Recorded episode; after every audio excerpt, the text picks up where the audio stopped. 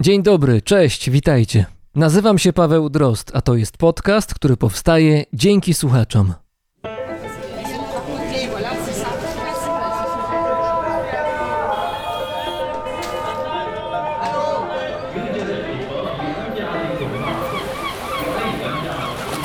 Brzmienie świata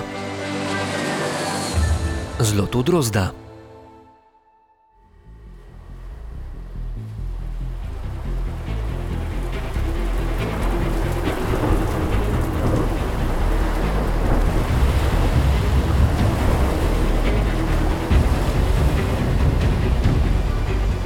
To była katastrofa. Z mostka okrętu HMS Association admirał Cloudley Shovel ze zgrozą patrzył, jak jeden z dowodzonych przez niego statków przechyla się na bok i niknie w spienionej wodzie, zabierając ze sobą bezradnych marynarzy. Pogoda była tak zła, że zarysy pozostałych okrętów floty były ledwo widoczne, ale było oczywiste, że za chwilę podzielą podobny los. Trzymając się kurczowo barierki mostka, admirał zdawał sobie sprawę, że również jego statek, tak groźny dzięki sile ognia swoich dział, teraz za sprawą sił natury jest w śmiertelnym niebezpieczeństwie. Najwyraźniej dowodzona przez niego flota Royal Navy podpłynęła za blisko archipelagu wysp Scilly, 20 km na zachód od wybrzeży Kornwalii. Tutejsze skały z łatwością rozpruwały najbardziej wytrzymałe statki, a wtedy los ludzi był przesądzony.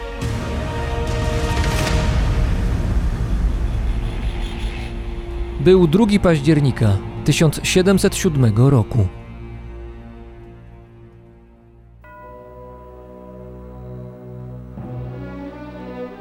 W tej morskiej katastrofie królewska marynarka straciła cztery okręty oraz co najmniej 1400 ludzi, nie wyłączając ich dowódcy, admirała Chauvel'a. Do dzisiaj jest to jedna z największych tragedii w historii brytyjskiej żeglugi i dla ówczesnych była szokiem.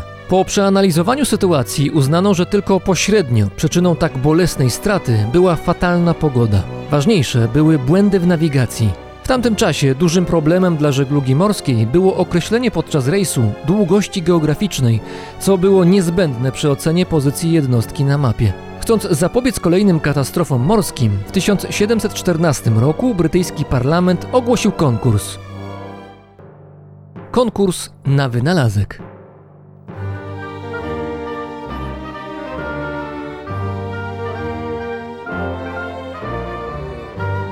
Gigantyczną sumę 20 tysięcy funtów, współcześnie to równowartość około 3 milionów funtów, mógł zdobyć ten, kto wymyślił sposób na prosty, praktyczny i precyzyjny pomiar długości geograficznej na morzu. Jak dotąd w czasie żeglugi do nawigacji wykorzystywano głównie obserwacje astronomiczne. Była to metoda nieprecyzyjna. By ją usprawnić, niezbędne było jednoczesne wskazanie czasu, zarówno w miejscu, w którym znajduje się na morzu statek, jak i w danym punkcie odniesienia, np. w Greenwich. Dokładność miała tu kluczowe znaczenie, ponieważ nawet niewielki błąd mógł skutkować pomyłkami liczonymi w dziesiątkach mil morskich, co na własnej skórze odczuli marynarze admirała Chauvel'a. Do mierzenia czasu potrzebny był zegar, ale żaden z nich nie był w stanie pracować prawidłowo na rozhuśtanym morzu. Do wyznaczonego przez władze konkursu przystąpił John Harrison. Był to cieśla, zafascynowany zegarami. Pod koniec życia wybudowane przez niego zegary należały do najdokładniejszych na świecie. Wprowadził wiele innowacji, m.in. w sposobie budowania wahadeł. Zbudował również mechanizmy, które działały niemal bez tarcia i nie wymagały smarowania oraz skonstruował rewolucyjny wówczas tzw. wychwyt Harrisona. W 1736 roku John Harrison przedstawił H1, pierwszą wersję nowego chronometru morskiego, który wypróbowano podczas rejsu z Londynu do Lizbony i z powrotem. Wynik był bardzo dobry i Harrison otrzymał za to 500 funtów oraz zachętę do dalszych prac. Ostatecznie po 23 latach wytężonej pracy powstał zegar o nazwie H4. Chronometr ten był niewielki i ważył niecałe 2 kg. Podczas testowego rejsu z Londynu do Jamajki, który trwał 81 dni, zegar spóźnił się jedynie 5 sekund. Mimo oczywistego sukcesu, przeciwnicy Harrisona uznali, że wynalazca miał szczęście i zażądali kolejnego testu na Atlantyku. Ten również wykazał skuteczność nowego chronometru, ale i tak decydenci odmówili wypłaty. W końcu parlament brytyjski zgodził się na wypłatę 10 tysięcy funtów, a więc połowy obiecanej nagrody. John Harrison postanowił szukać sprawiedliwości u samego króla Jerzego III, pokazując mu swój wynalazek. Władca uznał rację Harrisona i poparł jego żądania. Ostatecznie parlament zgodził się na wypłatę 8750 funtów, a więc nieco mniej niż wynosiła pełna nagroda. W połączeniu z wynalezionym nieco wcześniej sekstansem, chronometr Johna Harrisona radykalnie zwiększył bezpieczeństwo i możliwości ludzi na morzu.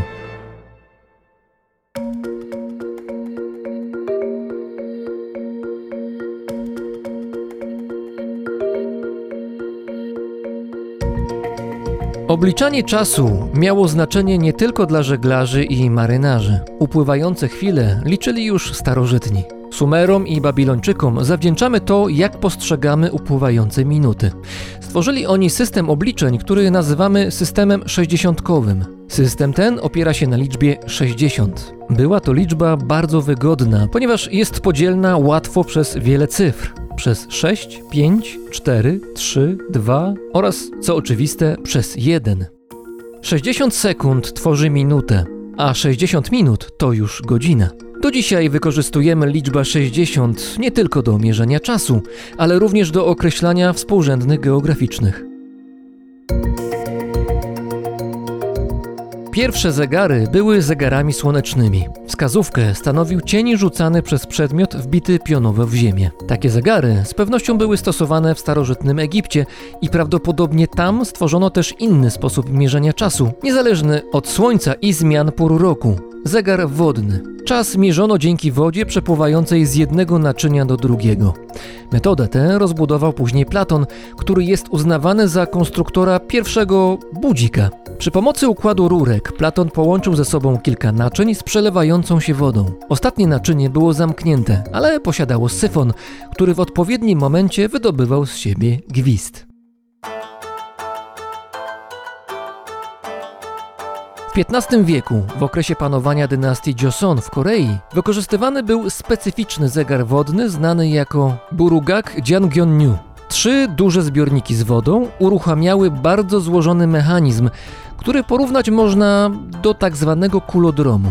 W miarę upływu czasu mechanizm uwalniał kolejne kule, te zaś tocząc się zmieniały układ zapadni, przez co co dwie godziny uruchamiany był dzwonek. Upływ czasu symbolizowało 12 zwierząt znanych z chińskiego zodiaku. Niezwykły zegar Burugak Jiangyeonnyu można zobaczyć m.in. w koreańskim dramacie historycznym z 2019 roku zatytułowanym Drzwi do nieba. Równolegle do zegarów wodnych na świecie rozwijały się zegary piaskowe klepsydry, które znane są od starożytności. Wraz z rozpowszechnieniem zegarów mechanicznych, klepsydry jako urządzenia mniej wygodne i mniej precyzyjne zaczęły odchodzić do lamusa. Powróciły jednak na chwilę pod koniec XIX wieku, gdy mierzyły czas podczas rozgrywek szachowych. Do dzielenia czasu w przeszłości służyły również świeczki. Wiemy, że tę metodę wykorzystywali Chińczycy, podobnie jak i Europejczycy w czasach znacznie późniejszych. Każda ze świeczek czasowych musiała mieć tę samą wagę oraz wysokość, by pomiar mógł być wiarygodny.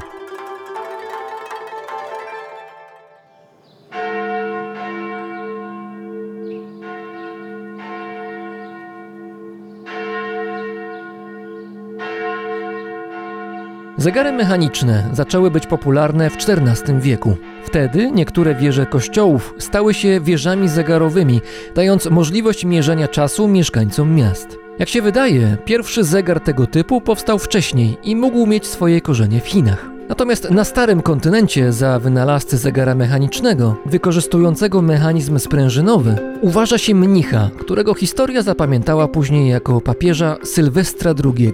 Oprócz tego, że pełnił on rolę głowy Kościoła katolickiego, wiele czasu poświęcał działalności naukowej. I to jemu przypisuje się popularyzację w Europie cyfr, które dzisiaj są dla nas czymś oczywistym cyfr arabskich. Istotna innowacja w konstrukcji zegarów mechanicznych nastąpiła za sprawą Galileusza. Odkrył on, że do precyzyjnego odmierzania czasu może służyć wahadło. Jego osiągnięcie zaowocowało stworzeniem w XVII wieku pierwszego w historii zegara wahadłowego. Co niezwykłe, ludzie korzystali z tego wynalazku aż do drugiej połowy XX wieku, ale o tym za chwilę.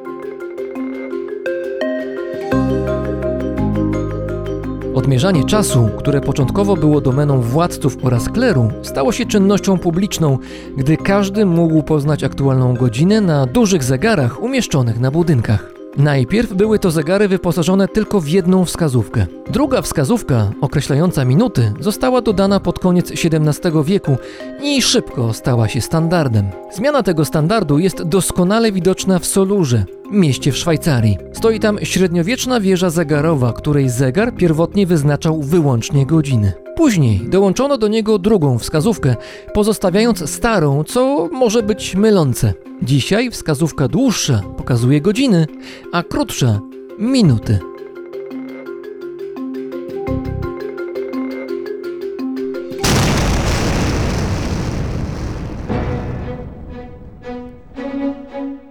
Pierwsza wojna światowa przyniosła zmiany nie tylko na mapach, ale również na rękach. Do tego czasu osobiste zegarki najczęściej były zegarkami kieszonkowymi. Takimi posługiwali się mężczyźni, natomiast tylko kobiety, gdy miały własny zegarek, nosiły go na ręku, na pasku lub bransolecie. Panowie nie byli fanami tego rozwiązania, aż do wybuchu Wielkiej Wojny.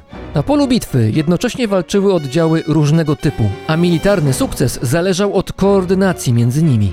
Artyleria, wojska pancerne, lotnictwo i piechota wszyscy musieli wiedzieć, kiedy dokładnie mają zaatakować, a kiedy zostać na swoich pozycjach. Czas miał duże znaczenie. W okopach korzystanie z zegarków kieszonkowych było jednak trudne. Trzeba było wyjąć je z kieszeni, otworzyć, sprawdzić godzinę, a następnie zamknąć i schować w bezpieczne miejsce. Poza tym zegarki te kapitulowały na froncie, gdzie w okopach wilgoć czy błoto były codziennością. Z tego powodu wojskowi zaczęli zamawiać dla żołnierzy proste, ale wytrzymałe zegarki naręczne, a zegarki kieszonkowe przeszły do historii. Kolejna zegarkowa rewolucja rozpoczęła się kilkadziesiąt lat później w Azji. 第18回近代オリンピアードを祝いここにオリンピック to cesarz Hirohito, już nie Bóg, a zwykły cesarz, który uroczyście otwiera letnie Igrzyska Olimpijskie w Tokio. Jest rok 1964 i Japonia po raz pierwszy po wojnie może pokazać się jako otwarte, atrakcyjne i nowoczesne państwo. Sportowcy, którzy stają na podium, słyszą fanfary, a świadkiem ich sukcesu był wynalazek japońskiej firmy Seiko. Podczas olimpijskich zmagań czas wyznaczał po raz pierwszy w historii zegar kwarcowy. Zegar ten czerpał energię z baterii. Ta z kolei wprawiała kryształ kwarcu w bardzo szybkie drgania, które były potem przeliczane cyfrowo. Zegar kwarcowy Seiko był znacznie dokładniejszy od zegarów mechanicznych i kilka lat po igrzyskach w Tokio ta sama firma przedstawiła światu pierwszy model zegarka kwarcowego na rękę o nazwie Astron. Już trzy lata później na rynek wszedł pierwszy zegarek na rękę z cyfrowym wyświetlaczem i tym samym klasyczne zegarki mechaniczne zostały na zawsze zepchnięte z piedestału.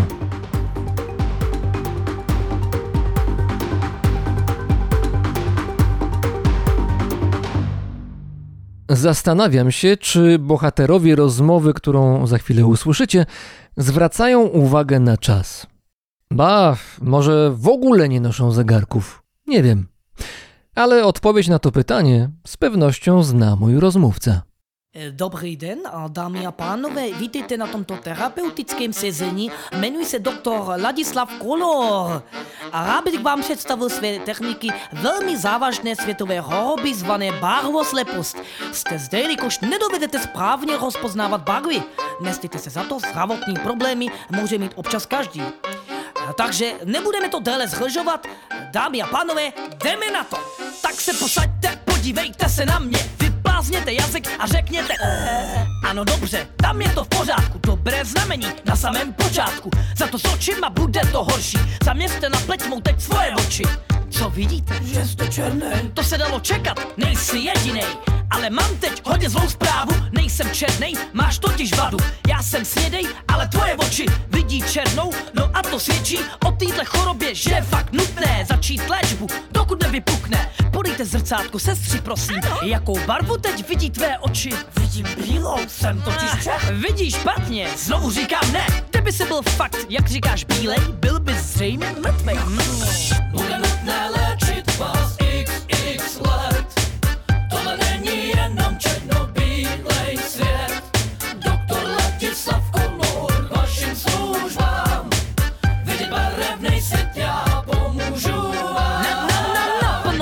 Tvrdo půjdeme dál. No sestři, pozvěte je mi ho dál. Co vidíte? Bohužel od malička je hnědej. Kdyby byl černý, měl by to těžký. Musel by na něj někdo vylej benzín a pak ho zapálit, potom by zřejmě byl fakt černý, ale jinak ne. Děkujeme, rádo se stalo. Sestři, tohle mám dost, chci dalšího. Ale, ale, Mr. Jack Wood, jak se dnes cítíte? Tak Jacku, řekni mi, jakou má barvu, pleť ty sestřičky použij hlavu. A jste si tím jistý, protože je pink a vy jste barvoslepej. A jakou barvu vidíte na mě? Zase špatně, ale je paradox pejt ve tři černý a ve 302 pejt zase bílej. Je to dřina, ta doktořina. No pane Wood, blbá novina. Musím vás léčit xx let, protože vidíte jen černobílej svět. Bude nutné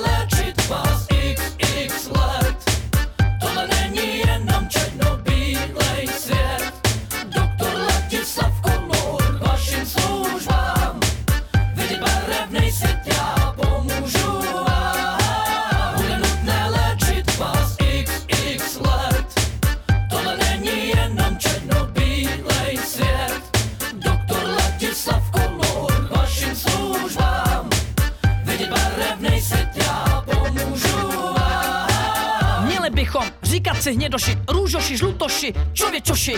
Jaký pocit by asi měl šoči, kdyby viděl a jak se to tu řeší? Kam zařadit se, když nevím sám, jestli jsem bílej nebo černý chuligán. A co vy máte, v pořádku zrak? Sami si odpověste, jestli je to tak. Dámy a pánové, to bylo pro dnešek vše. Zítra si prosím vás vemte cvičky. Naschledanou. Z dużą przyjemnością goszczę brzmieniu świata czeskiego dziennikarza, reportażystę i pisarza, autora kilkudziesięciu książek, bardzo dobrze znanych w Czechach i tam nagradzanych. Razem z nami w Czechach, w Pradze jest Aleš Palan. Dobry den, teším se na rozhovor. Dobrý den, děkuji za zájem, děkuji. Jedne z pańskich ostatnich książek, mam na myśli książki zatytułowane Raczej oszaleje na pustkowiu oraz Jak w niebie, skupiają się na ludziach, którzy w Czechach świadomie wybierają życie z boku. Wybierają samotność jako swoją drogę w życiu. Wybierają życie samotnych pustelników, chociaż może to połączenie dziwnie brzmi. Zaraz o nich porozmawiamy, natomiast najpierw muszę wyrazić zdumienie, że w Republice Czeskiej są miejsca, gdzie można żyć daleko od ludzi, gdzie można żyć osobno. No bo kraj jest nieduży, miast sporo, a jednak, jak się okazuje, jest szansa na ucieczkę. W Polsce za takie miejsce uchodzą Bieszczady. To południowo-wschodnia część kraju, symbol wolności, ucieczki. A w Czechach? Já myslím, že eh, my takovéhle místo nemáme a tak eh, utíkáme asi spíš eh, sami do sebe. Já jsem s překvapením zjistil, že kromě toho existují lidé, kteří mají kam utéci. A v první chvíli jsem je nacházel na Šumavě. To je pohoří na... Myślę, że w Czechach nie mamy takiego miejsca. Dlatego uciekamy raczej do wewnątrz siebie. Mimo tego dowiedziałem się, że są w naszym kraju ludzie, którym taka ucieczka się udaje i takim miejscem jest choćby Szumawa. To górzysty teren na czesko-bawarskim pograniczu. Do 1945 roku na tym obszarze mieszkali głównie Niemcy. Po wojnie zostali stamtąd wygnani. W Czechach jest na to osobne słowo odsun. Na miejsce Niemców przybyli nowi osadnicy i byli to przede wszystkim Słowacy z terenów Rumunii. Dlatego teraz, kiedy wejdziesz w tę część Sudetów, na obszar dawnej granicy między terenami czeskimi a niemieckimi, wejdziesz trochę jak do innego świata. německého a českého osídlení, tak pořád tak trošku dojedete do jiného světa. Neznám přesná čísla, ale rozhodně počet obyvatel na Šumavě. Nie znam dokładnych liczb, ale na pewno obecnie na Szumawie mieszka teraz o wiele mniej ludzi niż przed wojną. Są tam dziesiątki opuszczonych wiosek i miasteczek. Jednocześnie dzisiaj ten rejon ma kilka miejsc, które niczym magnes każdego lata przyciągają tłumy turystów. Tyle, że magnes ma tę właściwość, że przyciąga punktowo, a wystarczy odejść kilometr lub dwa od oznaczonych popularnych tras turystycznych i znajdziemy się w kompletnej dziczy. Tak więc, kiedy mówimy o pustych czy bezludnych miejscach w Czechach, nie możemy stosować porównań do Syberii czy na przykład Alaski. To nie są tereny bardzo oddalone od cywilizacji, ale to tam znalazłem bohaterów moich książek. A právě na těchto těch místech, eh, které nejsou tak daleko od civilizace, ale přesto tam lidi nechodí, jsem ty své hrdiny nacházel. I teraz wyobrażam sobie taką sytuację. Jest las, w lesie dom, w domu mieszka jedna osoba, samotnik, który unika kontaktu z ludźmi, a tu któregoś dnia podjeżdża samochód, z samochodu wychodzi dziennikarz i chce rozmawiać. To brzmi jak prowokacja. Takhle by to bylo, ale na většinu těch míst se autem vůbec nedá dojet. Tak by to mogło wyglądać, ale do większości z tych miejsc nie można dojechać autem, więc żeby się do nich dostać, musiałem iść pieszo 7, czasem nawet 10 kilometrów. Innymi słowy, musiałem się trochę namęczyć i zasłużyć na rozmowy, po które tam przyjechałem. Z drugiej strony zawsze może być tak, że dany samotnik, który unika kontaktu z cywilizacją, nie musi mieć ochoty na opowiedzenie swojej historii pierwszemu, lepszemu dziennikarzowi.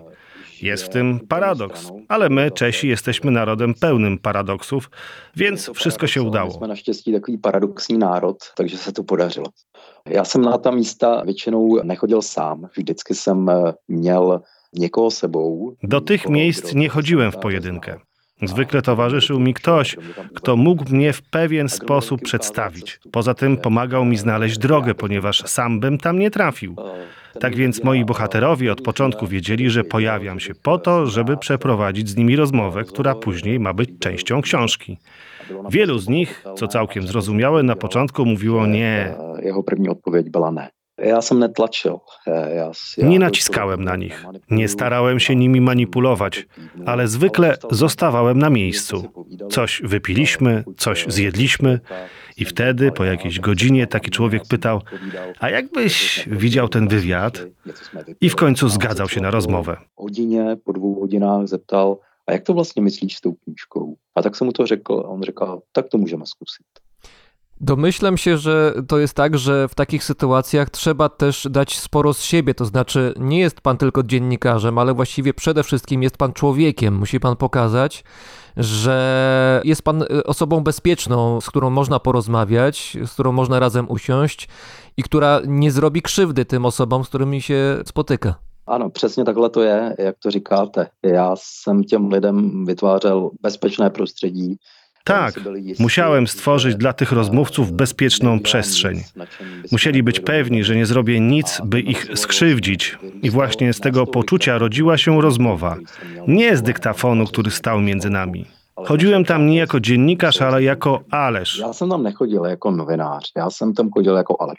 Já už... eh, Teraz jestem bardziej pisarzem niż dziennikarzem, ale z mojego ponad 20-letniego doświadczenia wiem, że kiedy chodzi o wywiady, nie należy się spieszyć, ponieważ czas jest moim nieprzyjacielem. Má málo, eh, je mým nepřítelem a toho jsem se už teď dokázal vyvarovat. Jak to jest znajdywać pustelników w Czechach, czy w jakimkolwiek innym kraju? Przecież to nie jest tak, że wchodzi pan na Wikipedię, włącza pan hasło lista czeskich pustelników, tam są adresy i pan jeździ od adresu od adresu. Jak się tych ludzi znajduje? Jak się pracuje z takim tematem? To hledání je samozřejmě těžší, ale je zábavnější. Te poszukiwania są oczywiście trudniejsze, ale za to są bardziej zabawne i satysfakcjonujące. Takiej listy samotników nie tylko nie można znaleźć na Wikipedii, nie można jej znaleźć nawet w żadnym urzędzie miejskim czy w centrum informacyjnym. Wiedzy trzeba szukać w najgorszych gospodach. Trzeba rozmawiać z bezdomnymi lub Romami. Lubię to środowisko. Nie mam problemu, żeby wchodzić z nimi w kontakt.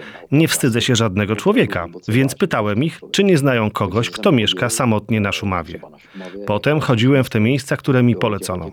Czasem znajdowałem tam człowieka zniszczonego alkoholem, ale najczęściej poznawałem zupełnie wyjątkowych ludzi z niezwykłym światem wewnętrznym. Často jsem tam našel skutečně jedinečné bytosti, které v sobě nesly explodující vnitřní svět. Pańskie książki o samotnikach nie ukazały się jeszcze po polsku w Polsce. Mam nadzieję, że to się zmieni, ale no, zanim to nastąpi, może opowiedzmy o tych bohaterach, którzy są w pańskich książkach. Może chociaż o jednym albo o dwóch z nich. Já když jsem eh, začal psát o samotářích, tak jsem eh, neuváženě eh, začal používat někdy termín poustevník. Gdy zacząłem pisać książki o samotnikach, w ogóle nie używałem słowa pustelnicy. Byłem przekonany, że podobnie jak dinozaury, wszyscy pustelnicy wyginęli. Ale później odkryłem, że na Morawach we wschodniej części naszego kraju jest jeden pustelnik, który żyje trochę jak żywa skamielina. Dodam, że w ogóle w Czechach mamy mało duchownych, mało księży, więc żeby spotkać duchownego pustelnika, trzeba mieć bardzo dużo szczęścia. I teraz proszę sobie wyobrazić taką barokową scenę. Takže si představte opravdu takový ten barokní model, poustevna, hluboký les, studánka. Ciemny las, eh, studnia i pustelnia, a w niej żyje człowiek, który mieszka sam. Modli się denně 10 godzin dziennie i nie wypowiada przy tym ani jednego słowa. Ten człowiek, który w klasztorze dostał imię Angiel, czyli anioł, rozmawiał ze mną. Ale muszę przyznać, że był bardziej szczęśliwy, gdy odchodziłem, niż kiedy do niego przyszedłem. Mnohem radši byl, když jsem odcházel. Nebo abych vám přiblížil někoho mnohem divočejšího, tak to je člověk, který se říká Bajza. Wśród samotników, których poznałem, był też człowiek o imieniu Bajza. Mieszka gdzieś wśród moczarów, w starym wojskowym aucie z lat 50., daleko od jakichkolwiek dróg. Ten teren zapewne należy do kogoś, ale nikt się nim nie interesuje, więc Bajza znalazł tam swoje miejsce. Mieszka tam z czterema końmi i sześcioma psami. Było dla mnie zagadką, z czego on żyje, jak się utrzymuje, ale z drugiej strony wiem, że życie bez jedzenia, nawet przez kilka dni, to dla niego normalność. Ostatnim razem Bajzę widziałem rok temu, czyli już po wydaniu książki Tak jak w niebie, i pytałem, jak się miewa. Mówił, że ma się znakomicie, że jest tak umówiony z ptakami, że mu orły przynoszą karpie. A že to má domluvené tak, že mu orly nosí kapry.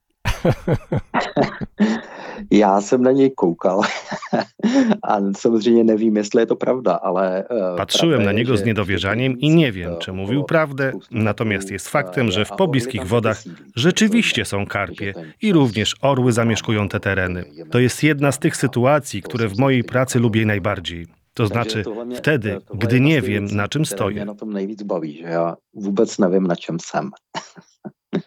Wiem, że co najmniej jedna z historii w pańskich książkach to jest historia związana z Czechami, którzy pochodzą z Rumunii. Zresztą pan wspomniał o tym. To jest bardzo ciekawy wątek czeski jeszcze z przeszłości, z XIX wieku.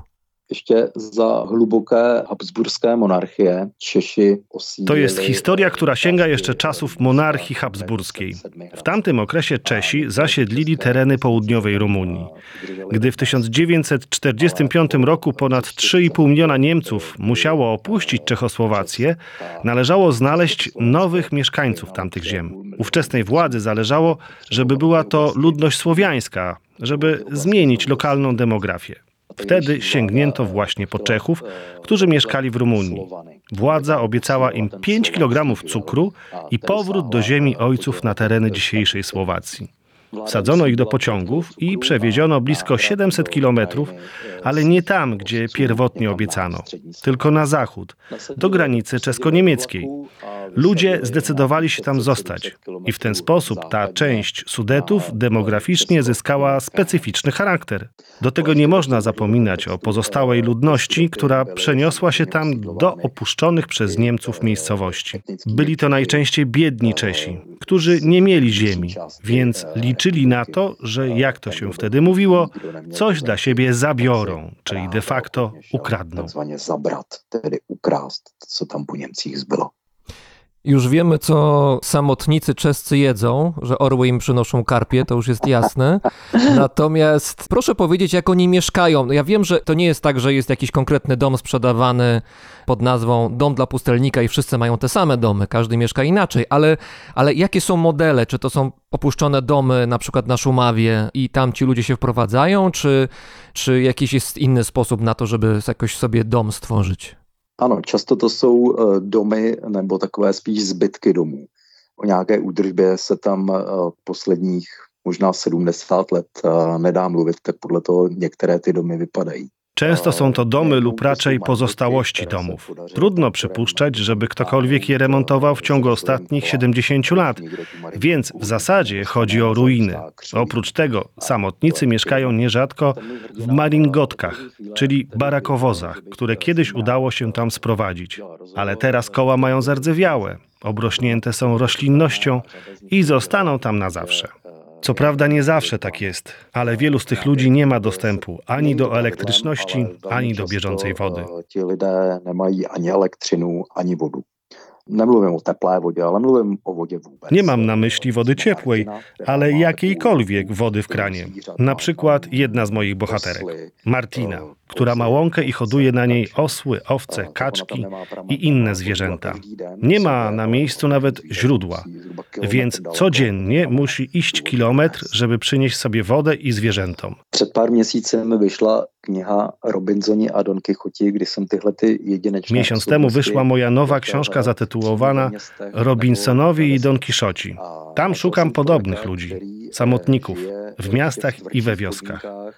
Znalazłem człowieka, który żyje w jeszcze trudniejszych warunkach niż ludzie z Szumawy. Mieszka na skraju wioski w Krechtach. Krecht to piwnica na ziemniaki, rodzaj ziemianki, która ma bardzo wąskie przejście, żeby jak najmniej światła docierało do ziemniaków. Ještě moje babička měla krecht a já jako malý kluk jsem tam chodil z těch brambor Pamiętam, że moja babcia miała taki krecht. Chodziłem tam jako małe dziecko, żeby odrywać z ziemniaków pędy i odrzucać ziemniaki zupełnie zepsute. Te, które nie były jeszcze w złym stanie, jedliśmy, a zostawialiśmy te najlepsze, które były na później. Dziś już każdy może kupić ziemniaki w sklepie i nie ma potrzeby magazynowania ziemniaków u siebie. Z tego powodu krechty stoją teraz puste, niewykorzystane i zapadają się. Ale jeden ten krecht, który znalazłem, wciąż eh, jest w użyciu. Od 6-7 lat mieszka tam jeden człowiek. Nie tylko nie ma elektryczności i wody, ale jego dom nie ma też żadnego okna. Nie może też go ogrzać. Mieszka tam jak w jaskini. I niezależnie od tego, czy jest zima, czy lato, zawsze w środku jest około 9 stopni Celsjusza. Těch stabilních 9 stupňů v létě v zimě. Czy ci ludzie są samowystarczalni? Powiedział pan o tym, że y, mają zwierzęta, y, mają, jak rozumiem, też ziemniaki, mają te karpie, o których była mowa, ale czy to jest tak, że nie spotykają się zupełnie z nikim, oprócz spotykania z Aleszem Palanem, czy jednak wychodzą czasami gdzieś na zewnątrz? Oni nejsou na ostrově a v našich podmínkách úplná samostatnost. Ci ludzie nie mieszkają na wyspie. Całkowita samowystarczalność nie jest możliwa. Kiedy zapytałem o to jednego z samotników, uśmiechnął się i powiedział, że na przykład soli nie jest w stanie sam zdobyć, ponieważ Czechy nie mają dostępu do morza. Takže každý z nich ví, kde je nějaký obchod, kde je nějaká farma. Każdy z tych ludzi wie, gdzie jest jakiś sklep, jakieś gospodarstwo albo młyn. Ale to, co jest ważne, to to, że ci ludzie żyją niezwykle skromnie. Więc základní, wizyta w sklepie jest niezbędna tylko toho kilka obchodu razy w roku. Třeba stačí absolvovat párkrát do roka. Myślę, że część z naszych słuchaczy wyobraża sobie tych samotników jako osoby, które siedzą przed domem, podziwiają szumiące drzewa, patrzą w niebo, nie wiem, może piszą wiersze. Je to tak, je to tak, ale zároveň ten život je těžký. Od jara do podzimu se skutečně Jest tak, jak eh, mówisz. Tak właśnie eh, żyją. Ale jednocześnie jest to życie bardzo ciężkie. Od wiosny do jesieni można siedzieć przed domem, przed ogródkiem i liczyć chmury. Odkryłem, że tak żyją przede wszystkim mężczyźni. Z kolei kobiety częściej hodują zwierzęta domowe i starają się ulepszać swoje maringotki, te barakowozy, aż w końcu przychodzi zima. No a pak přijde zima. Když mluvíme o té Šumavě, to není. Jeśli mówimy o Szumawie, Eh, tereny górzyste nie są tam zbyt wysokie. Ci ludzie mieszkają zwykle na wysokości do 1000 metrów nad poziomem morza. Jednak tamtejsze góry i doliny znane są z niskich temperatur, więc kiedy rozpoczyna się zima, życie moich bohaterów toczy się głównie w ich domach. Przypomina życie klasztorne i wtedy naprawdę doskwiera im samotność. Na przykład Martina, z którą nagrywałem rozmowę pod koniec lata, mówiła mi: Przyjedź do mnie pod koniec zimy. Wtedy powiem ci coś zupełnie innego. Okres letni i zimowy zmienia tych ludzi. Mają niemal dwie osobowości. Zimą jest najtrudniej, znika romantyzm. Trzeba starać się, żeby przeżyć. Nie chciałbym jakoś dramatyzować, ale wtedy gra idzie o to, jak nie zamarznąć. Nechci to dramatizovat, ale skutečně tam jde o to nezmrznout a ošidit něčím kručící žaludek. Wspomniał Pan wcześniej o tym pustelniku, który skupia się na modlitwie, ale co stoi za wyborami innych pustelników czy innych e, samotników? Dlaczego wybrali takie życie, a nie inne? To chyba nie jest tak, że, że zawsze są tutaj jakieś motywacje religijne. Tohle byla výjimka. Ty motivace jsou většinou eh, úplně jiné. Ten pustelnik, który zajmował się modlitwą, był wyjątkiem. Zwykle motywacje moich bohaterów są zupełnie inne. Czasem jest to droga za czymś, ale częściej chodzi o ucieczkę przed czymś. Może to być ucieczka przed cywilizacją, przed brakiem umiejętności znalezienia pracy i życia w rytmie tej pracy. Może to być też ucieczka przed związkami, przed ludźmi. Zdarza się, że chodzi o ucieczkę przed używkami, przed narkotykami lub alkoholem. I co ciekawe, często kończy się to sukcesem. A nejlepší na tom je, že tenhle ten útěk se opravdu podaří. Tony, můj velmi dobrý kamarád eh, z Šumavy, Tony, mój dobry kolega z Szumawy, latami był na odwyku, ale nie udawało mu się zerwać z nałogiem alkoholowym. W końcu kupił sobie maringotkę. Zamieszkał w domu na kołach i naprawdę się oswobodził. Zerwał z nałogiem i jest wolnym człowiekiem. Znam kilku alkoholików abstynentów, którzy mówią, że nie chodzą do barów i omijają gospody, żeby nie kusić losu. Natomiast z Tonym byłem w gospodzie, gdzie piło się alkohol. Tony mówił, że chętnie napiłby się wódki, ale wiedział, że nie może. Pił herbatę, dobrze się bawił, był wolny. Osvobodil se. Útěk mu pomohl. Zachránil ho. Interesuje mnie moment, w którym człowiek decyduje się na to, żeby odejść na bok, żeby zostać samotnikiem. Jakie to są chwile, jakie są momenty w życiu, że człowiek podejmuje taką decyzję, że rzuca pracę, rzuca, nie wiem, może nawet rodzinę, rzuca związki, rzuca odpowiedzialność za życie i ucieka. Jak to wygląda w przypadku pańskich bohaterów? Je to křižovatka. Je to možná taková základní křižovatka, To jest rodzaj skrzyżowania. Skrzyżowania, na którym wydaje się, że można wybrać jedną z wielu dróg, ale tak naprawdę możesz iść tylko jedną z nich. Ci ludzie czuli jakiś rodzaj wewnętrznego nacisku, że muszą dokonać nagłej zmiany. To nie był długofalowy plan, nie. Często decyzje podejmowali w ciągu kilku dni.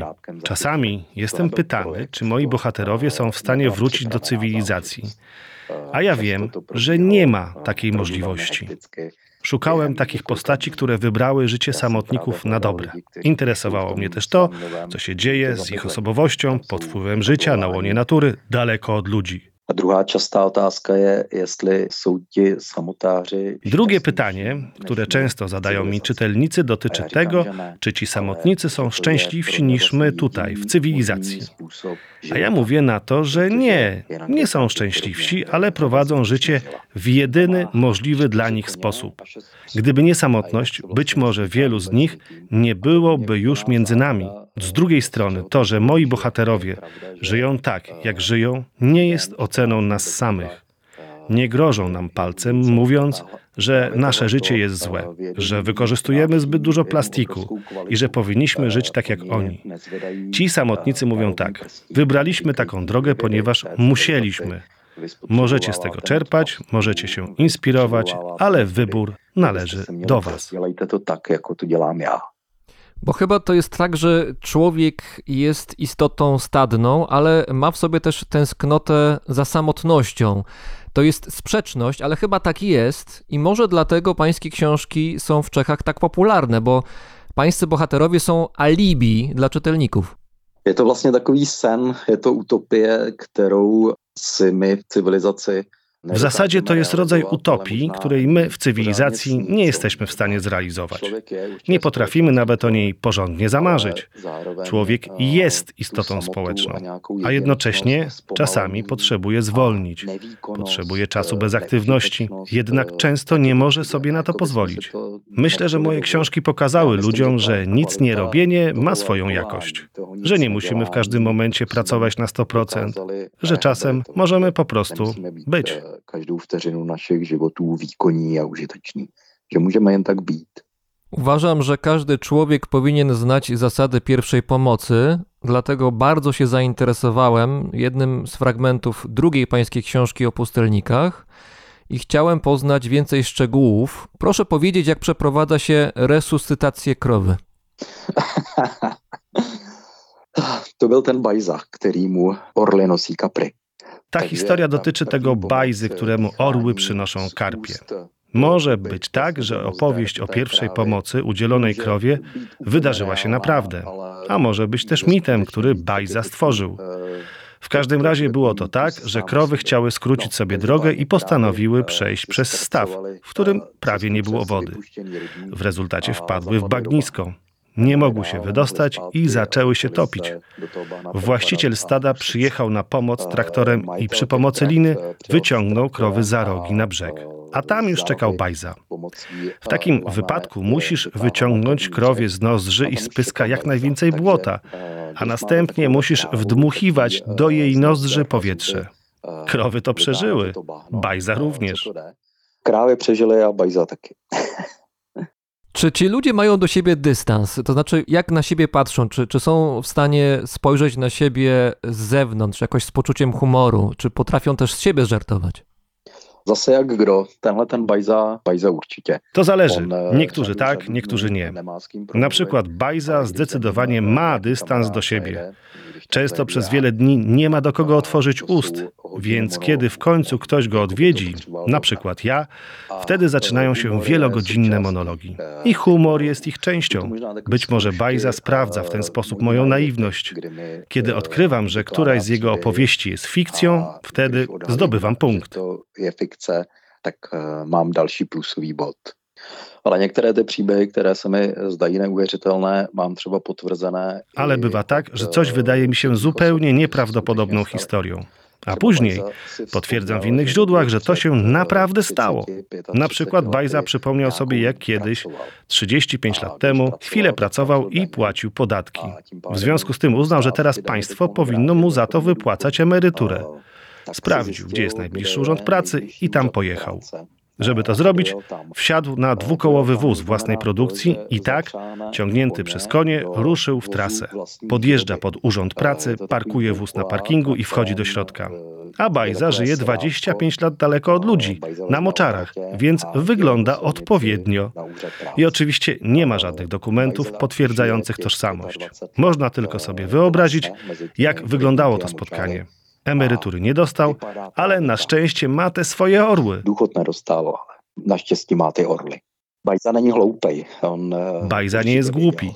Wiedział, że nie dadzą mu tej emerytury, ale ma poczucie humoru, więc chciał doświadczyć tej sytuacji. Chtěl zažít. Mówimy o samotnikach, ale każdy z tych ludzi to jest osobna osoba, inna historia, inne okoliczności. I zastanawiam się, czy ci ludzie, gdyby się spotkali razem, gdyby pan zrobił taki zjazd samotników, czy mieliby o czym rozmawiać? Ano, měli. Takový uh, jeden malý sjezd samotářů jsme na jednom křtu té knihy uh, uskutečnili. Tak, mieliby o czym rozmawiać. Nawet odbył się taki mały zjazd samotników przy okazji premiery książki. Nie rozgłaszaliśmy tego faktu w mediach, żeby nie generować niepotrzebnego zainteresowania. Główna część tego zjazdu nastąpiła właściwie po spotkaniu autorskim, gdy czytelnicy wrócili już do swoich domów i mogliśmy się cieszyć tylko swoim towarzystwem. Niektórzy z tych samotników znali się już wcześniej, ponieważ wszyscy pochodzili z jednego regionu, z Szumawy. W mojej książce zatytułowanej Raczej oszaleje na pustkowiu bohaterami są między innymi dwie kobiety. Martina i Dasza poznały się właśnie na tym spotkaniu. Obie hodują zwierzęta, które bardzo kochają. Martina hoduje osły, Dasza hoduje konie. Później, po spotkaniu autorskim, kilka razy umawiały się już same i powiedziały sobie coś więcej. Coś więcej niż ja mógłbym zrozumieć. A nad rámec toho, co já bych chápal. Kromě bratra Anděla, opravdu z nich občas Oprócz brata Anioła, pustelnika, każdy z tych samotników raz na jakiś czas chętnie kogoś odwiedza lub kogoś spotyka. Wydaje mi się, że to jest trochę jak w przypadku kwartalnego alkoholika. Normalnie nie pije, ale raz na trzy miesiące opije się, by później znów stać się abstynentem. Więc przez większość czasu samotnicy żyją sobie spokojnie, sami w lesie, a raz na jakiś czas jadą do cywilizacji, żeby naruszyć swój spokój i tryb życia, ale nie przy pomocy alkoholu, tylko przez naszą cywilizację, przez miasto. Myslím alkoholem, ale tou naší civilizací do města. Napisał pan książki o czeskich samotnikach. Książki stały się bardzo popularne w Czechach. Opowiada pan o nich w wywiadach i podczas spotkań autorskich. Opowiada pan też o nich polskiemu dziennikarzowi, który prowadzi podcast. Potencjalnie odbiorców jest kilkadziesiąt milionów. Czy brał pan pod uwagę ryzyko, że ludzie, którzy wybrali życie z boku, pańscy bohaterowie, teraz będą odwiedzani przez innych, przez, przez ciekawskich, przez turystów, przez setki ludzi? Eh, Nepočítal. Eh, Já jsem eh, z začátku si myslel, že dělám knihu, která nebude vůbec nikoho zajímat. Opravdu mě to velice překvapilo. Nie liczyłem się z tym ryzykiem. Na początku myślałem, że piszę książkę, która nikogo nie będzie interesowała. Naprawdę, popularność mojej książki o szumawskich samotnikach bardzo mnie zaskoczyła. Prawdą jest, że mógłbym teraz założyć firmę turystyczną oprowadzającą po szumawskich samotniach, albo nawet agencję towarzyską, która miałaby na celu pomoc w poznaniu tych ludzi.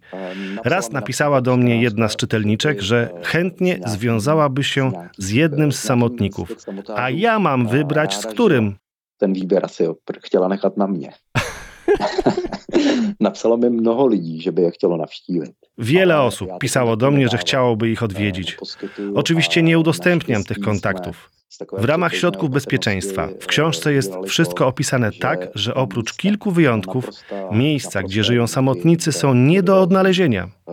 Jeśli mimo wszystko komuś uda się zdobyć informacje i dotrzeć do celu, samotnik będzie umiał poradzić sobie z takim człowiekiem. Zwykle działa tam coś w rodzaju odstraszania. Není to tak vždy, ale často tam funguje takové teritoriální odstrašení. Představte si ruinu domu. Proszę wyobrazić sobie ruiny domu. Nie przyjdzie ci nawet do głowy, że ktoś może tam mieszkać. Wokół domu jest stary płot zarośnięty krzakami i metrowymi pokrzywami. Dookoła jest bagno, a na tym płocie zawieszone są czaszki. Kiedy patrzysz z daleka, nie masz pewności, czy są to czaszki ludzkie, czy zwierzęce. Zgadujesz, że te drugie, ale i tak nie masz ochoty podejść bliżej. To trochę klimat jak z Mad Maxa. Je, je, je to tak, je to tak. No, Trochę tak jest. I oczywiście jest tam też pies, który szczeka na ciebie i ujada. Ale nie wiesz, że ten pies nic ci nie zrobi, że gdybyś przeszedł na drugą stronę płotu, obok czaszek i psa, to spotkałbyś bardzo miłego człowieka. To jest taka bariera, dzięki której ten człowiek chroni się przed cywilizacją. Nie wiem, czy się pan zgodzi, ale w fachu dziennikarza, w fachu reportażysty, pisarza, szczególnie takiego, który zagłębia się w ludzkie historie, pojawia się czasami wątek osobisty. Mam na myśli to, że autor może na chwilę poczuć bardzo blisko takie życie, którego sam nie prowadzi, ale którego być może chciałby spróbować. Czy czuł pan w ten sposób w swoim przypadku coś takiego, rozmawiając z czeskimi samotnikami? Czy miał pan pokusę, chęć, żeby spróbować życia swoich bohaterów? Je to tak, já eh, rozhovory dělám jednak proto, aby vznikla knížka, ale i Jest proto, tak, jak pan mówi. Przeprowadzam te rozmowy nie tylko po to, żeby później powstała z nich książka, ale także po to, żebym znalazł nowych przyjaciół. To nie jest tak, że mam mało starych, ale przyjaciół nigdy dość. Poza tym zawsze mogę się czegoś nauczyć. Życie samotników to nie jest życie, które chciałbym prowadzić. Nie chcę też ich jakoś małpować. Bardziej mam na myśli to, że staram się brać dla siebie ich sposób zachowania w konkretnych sytuacjach. Wtedy są dla mnie przewodnikami i to jest też wartość tych książek. Mówi się, że twój nieprzyjaciel może być twoim najlepszym nauczycielem, ale osobiście staram się, żeby takimi nauczycielami byli ludzie z grona moich przyjaciół. Může být vaším nejlepším učitelem. Ale já se snažím si to udělat jednodušší, abych ty učitele měl ze svých přátel. To jeszcze na koniec, jak ci ludzie są, ci samotnicy czescy są postrzegani przez swoje otoczenie? No bo mieszkają gdzieś koło jakiejś wioski pewnie, miejscowi wiedzą, że tam gdzieś jakiś samotnik sobie żyje. Jak ci ludzie są traktowani? Jako nieszkodliwi dziwacy, czy ludzie, od których można się czegoś nauczyć, którzy są warci poznania? Já myslím, že dřív je většinou vnímali jako takové neškodné nebo někdy i. Myślę, że dawniej samotnicy byli traktowani jako nieszkodliwi, a czasem nawet jako szkodliwi wariaci. Kiedy pytałem ludzi, jak do samotników trafić, nie widziałem tam pozytywnego podejścia. Ci ludzie nie znali moich bohaterów, więc byli do nich uprzedzeni i często słyszałem jakieś mity i niestworzone historie. Więc jeśli miałbym znaleźć w moich książkach coś dobrego, to jest to właśnie zmiana nastawienia sąsiadów do samotników. Sąsiadów w cudzysłowie bo przecież mieszkają wiele kilometrów od nich. Ci sąsiedzi odkryli, że samotnicy to często wyjątkowe osoby. Se tenhle ten postoj změnil, že zjistili, že ti samotáři jsou jedinečné osobnosti, kteří přemýšlí po svém žijí. Naszym gościem w Czechach, w Pradze był Aleš Palan, reportażysta, pisarz, dziennikarz. Bardzo dziękuję i mam nadzieję, że książki o czeskich samotnikach wkrótce będą do przeczytania również po polsku. Děkuji za zájem. O polské čtenáře bych měl samozřejmě taky zájem. Bylo by to fajn. Uvidíme, jak to dopadne. Díky, díky. Bardzo dziękuję również Mikołajowi Góralikowi, dzięki któremu ta rozmowa mogła się odbyć. Mikołaj, dzięki za tłumaczenie i wszelką pomoc. Dziękuję bardzo. Dziękuję Wam, pane Palania. Přeji Wam hezký den. Děkuji, mějte se nejlíp. I jeszcze jedne podziękowania w tym festiwalu podziękowań. Podziękowania dla Michała Rzekowskiego, który użyczył swojego głosu w tej rozmowie. Audycję Michała na dachu świata możecie słuchać w każdą niedzielę o godzinie 14 w radiu 357.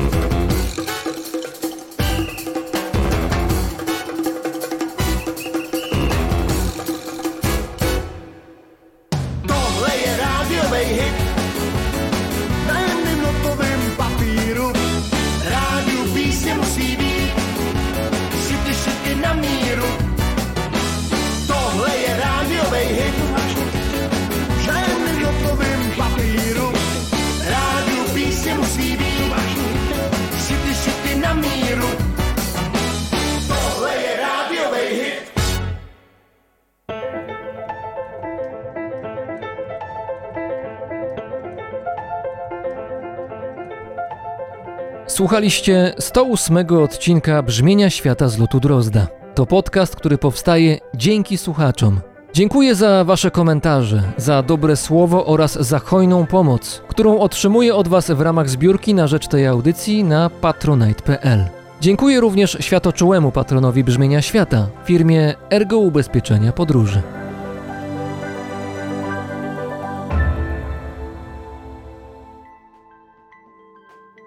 Paweł Drost, czyli ja, mówi Wam dobrego dnia.